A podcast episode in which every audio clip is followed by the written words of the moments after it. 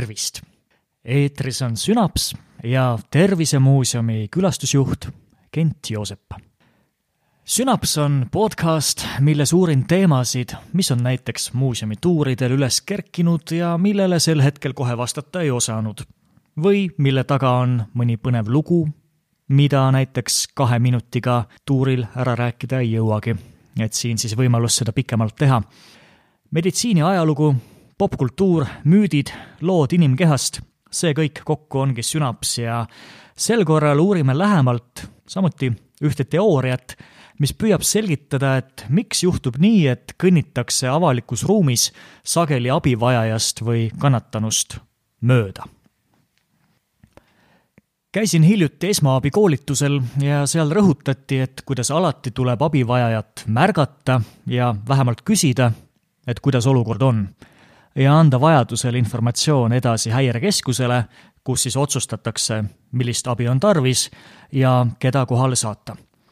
panna tähele normist erinevat käitumist, näiteks seda, kui keegi on bussijaamas magama jäänud, või kui keegi karjub üksinda keset parki, või näiteks kui keegi on end keset kaubanduskeskust täis sirtsutanud. lihtsalt mõned näited elust enesest millegipärast kipub paljudel midagi taolist nähes tekkima mõte, et teda see ei puuduta. kole lugu küll, aga mul on väga kiire ja siin on palju teisi inimesi ka. kindlasti keegi aitab. Lähen edasi ja üldse, niikuinii on purjus. tulemuseks kipub juhtuma nii, et see abi vajav inimene, kes pole sugugi alati purjus või mõne muu meelemürgi mõju all, vaid saanud näiteks ootamatu terviserikke et ta jääb sinna abitusse ja võimalik, et ka eluohtlikku seisu küllaltki pikaks ajaks. nii et eh, igal juhul on soovituslik märgata ja reageerida. et see võib teinekord päästa inimese elu. kuid miks ikkagi nii juhtub? sellist olukorda püüab kirjeldada pealtvaataja ehk kõrvalseisja efekt see kõrvalseisja efekt on sotsiaalpsühholoogiline teooria, mille kohaselt otsustavad inimesed selle võrra vähem sekkuda ja abi pakkuda, mida rohkem on sündmuskohal teisi inimesi. okei okay., mida kõrvalseisja efekti kohta arvatud on? miks see tekib? kindlasti ma rõhutan, et see on teooria, mitte reegel, mitte fakt teooria, millega püütakse kirjeldada ja põhjendada inimeste käitumist teatud olukordades teooria autorid, Ameerika sotsiaalpsühholoogid Bill Attain ja John Darley on toonud välja kaks peamist põhjust, miks kõrvalseisja efekt tekib. esiteks, vastutuse hajumine. koos on hulk inimesi, kes on sattunud olukorra tunnistajateks, samas puudub kindlus, kes mida tegema peaks või kas üldse. teise tekkepõhjusena on mainitud nii-öelda sotsiaalset mõju üksikisiku mõtlemisele. näiteks võidakse karta teiste võimalikku halvustavat hinnangut oma tegevusele, see tähendab üldistatult, et mm, hästi inimlik on esmalt jälgida teiste käitumist ja oma tegevust siis vastavalt tekkinud muutustele kohandada meie loo kontekstis siis, et kui teised pööravad maaslamajalt pilgu ära ja lähevad edasi, et siis ma teen samuti. inimesi on ju palju, noh, keegi ikka aitab. ja pole päris kindel ka, et kas üldse oskan midagi teha, äkki teen veel valesti ja noh, niikuinii on purjus. miks taoline mõtlemine tekib? näiteks äh, Psychology Today lehel on kirjutatud, et see on ühest küljest loomulik kaitsereaktsioon ehk vastus hirmutundele. hirmud nagu järsku ma olen liiga nõrk või järsku ma tean liiga vähe, et aidata, või järsku saan ma olukorrast täiesti valesti aru ja mingit ohtu polegi. äkki ta soovibki kõnniteel magada. ja siis parem ei tee üldse midagi. lisatud on veel ka kolmas võimalik kõrvalseisja efekti tekkepõhjus, nimelt pluralistlik ignorantsus. see tähendab, et sisimas ollakse ühel arvamusel, kuid kuna ülejäänud osa grupist teeb teisiti, siis minnakse vooluga kaasa seda on kirjeldatud lausega, et keegi ei usu, aga samas arvavad kõik, et kõik teised usuvad. nagu seal Hans Christian Anderseni muinasjutus Keisri uued rõivad, kus kõik näevad, et valitseja on alasti, aga kuna kokku on lepitud, et kõik kiidavad järjekordset sätendavat rüüd, siis nii tehaksegi. Kuni üks otsustab kokkulepet murda. ja see, et üks otsustab käitumisnormi murda, on muide ka parim võimalus kõrvalseisja efekti vähendamiseks. ehk kui keegi hakkab otsustavalt tegutsema, muudavad ka paljud teised meelt. aga sellest täpsemalt mõne hetke pärast. korraks veel ajalukku ka. kõrvalseisja efektist hakati rohkem rääkima ja kirjutama alates kuuekümnendatest, seoses ühe mõrvajuhtumiga nimelt tuhande üheksasaja kuuekümne neljandal aastal juhtus üks koletu lugu baaridaam Kittiga, keda pussitati korduvalt oma koduhoovis ja hiljem oma korteris. Kitty Genovese hüüdis korduvalt appi ning väidetavalt mitmed naabrid seda ka kuulsid, kuid nagu hiljem politseile ütlusi andes tunnistasid, ei osanud nad pidada neid karjeid ja seda nuttu appi hüüeteks. kurioosseks teeb rünnaku asjaolu, et see toimus kahes jaos. pärast esimesi noalööke ja karjeid tõepoolest üks naaber sekkus ja hüüdis jäta see tüdruk rahule. sellest piisas, et ründaja põgenes sündmuskohalt. aga äh, mõne minuti pärast tuli ta tagasi ning rünnak jätkus ja siis juba äh, Kitty Genovese'i korteris.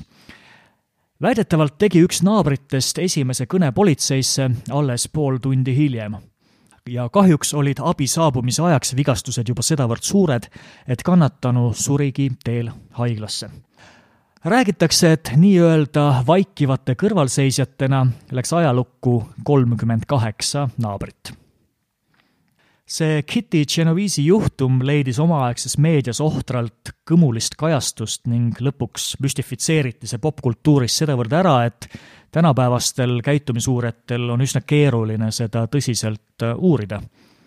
näiteks kahe tuhande seitsmendal aastal ajakirjas American Psychologist ilmunud analüüsis jõuti järeldusele, et kõik need meediakajastused on tugevalt võimendatud.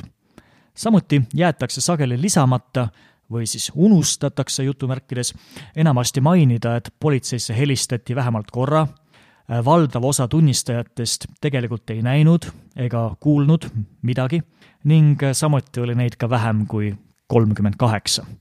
nii et tagantjärgi selline ka tiba vastuoluline lugu aga olgu, kuidas oli, ega me ei saagi kunagi teada, et kas asjaolud oleksid kulgenud teisiti, kui naabrid oleksid seal siis sekkunud kiiremini, suuremal määral või teinud toimuva peale kurjemat häält. ja ilmselt pole ka kuigi palju neid, kes heidaks naabritele ette, et nad ei tormanud nende jaoks täiesti tundmatut, arutult noaga vehkivat tüüpi lihtsalt maha murdma, noh, pole ju ka kuigi mõistlik asi, mida teha aga igatahes eh, seda juhtumit on kasutatud kõrvalseisja efekti näitena kõige sagedamini ja seepärast sai see siinkohal ka ära mainitud.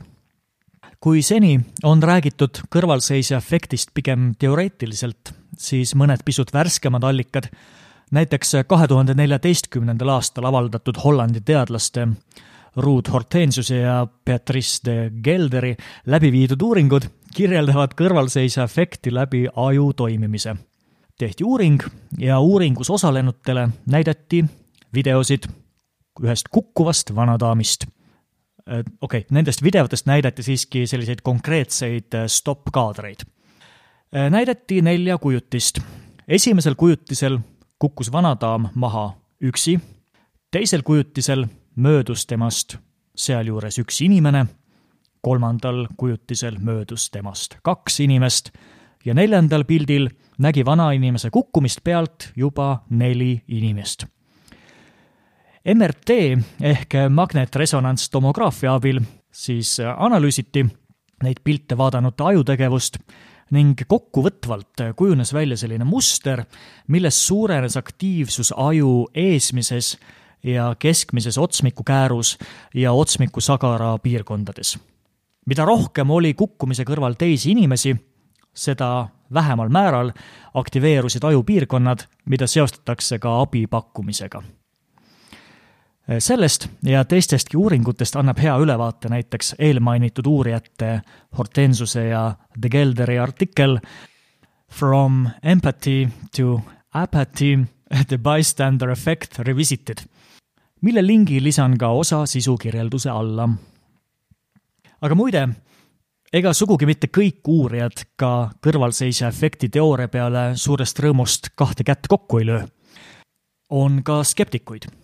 Näiteks kahe tuhande üheksateistkümnendal aastal juhtis jällegi üks Hollandi kultuuriantropoloog Marie Rosenkrantz Lindegaard uuringut, mille raames analüüsiti kahtesadat üheksateist turvakaamera salvestist seda siis erinevatest kallaletungidest, õnnetustest ja möödujate reaktsioonidest. salvestised pärinesid kolmest eri linnast, Lancaster Inglismaal, Amsterdam Hollandis ja Kaplin Lõuna-Aafrika Vabariigis. uurimisrühm jõudis endalegi üllatuseks teooriale hoopis vastupidisele tulemusele.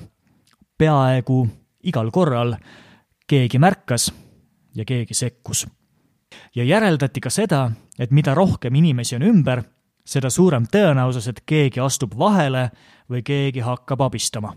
nii et mõnel juhul ümbritsev rahvahulk hoopiski soodustab nii-öelda kangelaslikkust ja eeskujulikku käitumist. heakene küll, kui me nüüd teame, et grupi käitumises võib inimestel ja sealhulgas igaühel meist see kõrvalseisja efekt tekkida, kuidas edasi? kas sellest teadmisest võib olla mingit kasu? ilmselt ongi selle ringi murdmiseks kõige parem lahendus lihtsalt olla sellest teadlik. See teadmine võib aidata teinekord olukorda kiiremini ja tõhusamalt lahendada, kui haarata selleks ise ohjad. näiteks õnnetusjuhtumi puhul kõnetada kedagi konkreetset otse. näiteks, hei sina, kollase jopega, kutsu kiirabi ja kohe. või näiteks Märt, tule appi, keerame ta külili asendisse. kui keegi hakkab tegutsema ja end kindlalt väljendama, võib arvata, et ka teised, kes esmajoones võisid kahelda, järgivad eeskuju ja asuvad appi, aitavad. kui kedagi on hädaolukorras eraldi kõnetatud, pole ta enam kõrvalseisja, vaid juba sündmuse aktiivne osaline, tunneb suuremat vastutust ja tal on palju raskem edasi minna. seda enam, et tegelikult ju kõik teame, et teiste aitamine on see õige viis, kuidas käituda. olgu motivaatoriks kas või see, et teisi aidates ja hoides saame vaikimisi eeldada, et ka meile tullakse appi, kui kunagi peaks juhtuma ootamatu terviserike, mis meid näiteks tänaval, kohvikus või loomaaias või mujal abitusse seisu jätab. selline armas vaikimisi kokkulepe selleks korraks kõik. kui sul on mõtteid, millest või kellega sünapsis edaspidi rääkida, võib mulle julgelt kirjutada. kirjutage näiteks aadressile kent at tervisemuuseum.ee ja muidugi kuula Sünapsi uusi ja ka varasemaid osasid Tervisemuuseumi kodulehelt ja levinumatest podcasti keskkondadest, näiteks Spotify, Google ja Apple podcast. Kuulmiseni ja kohtumiseni Tervisemuuseumis!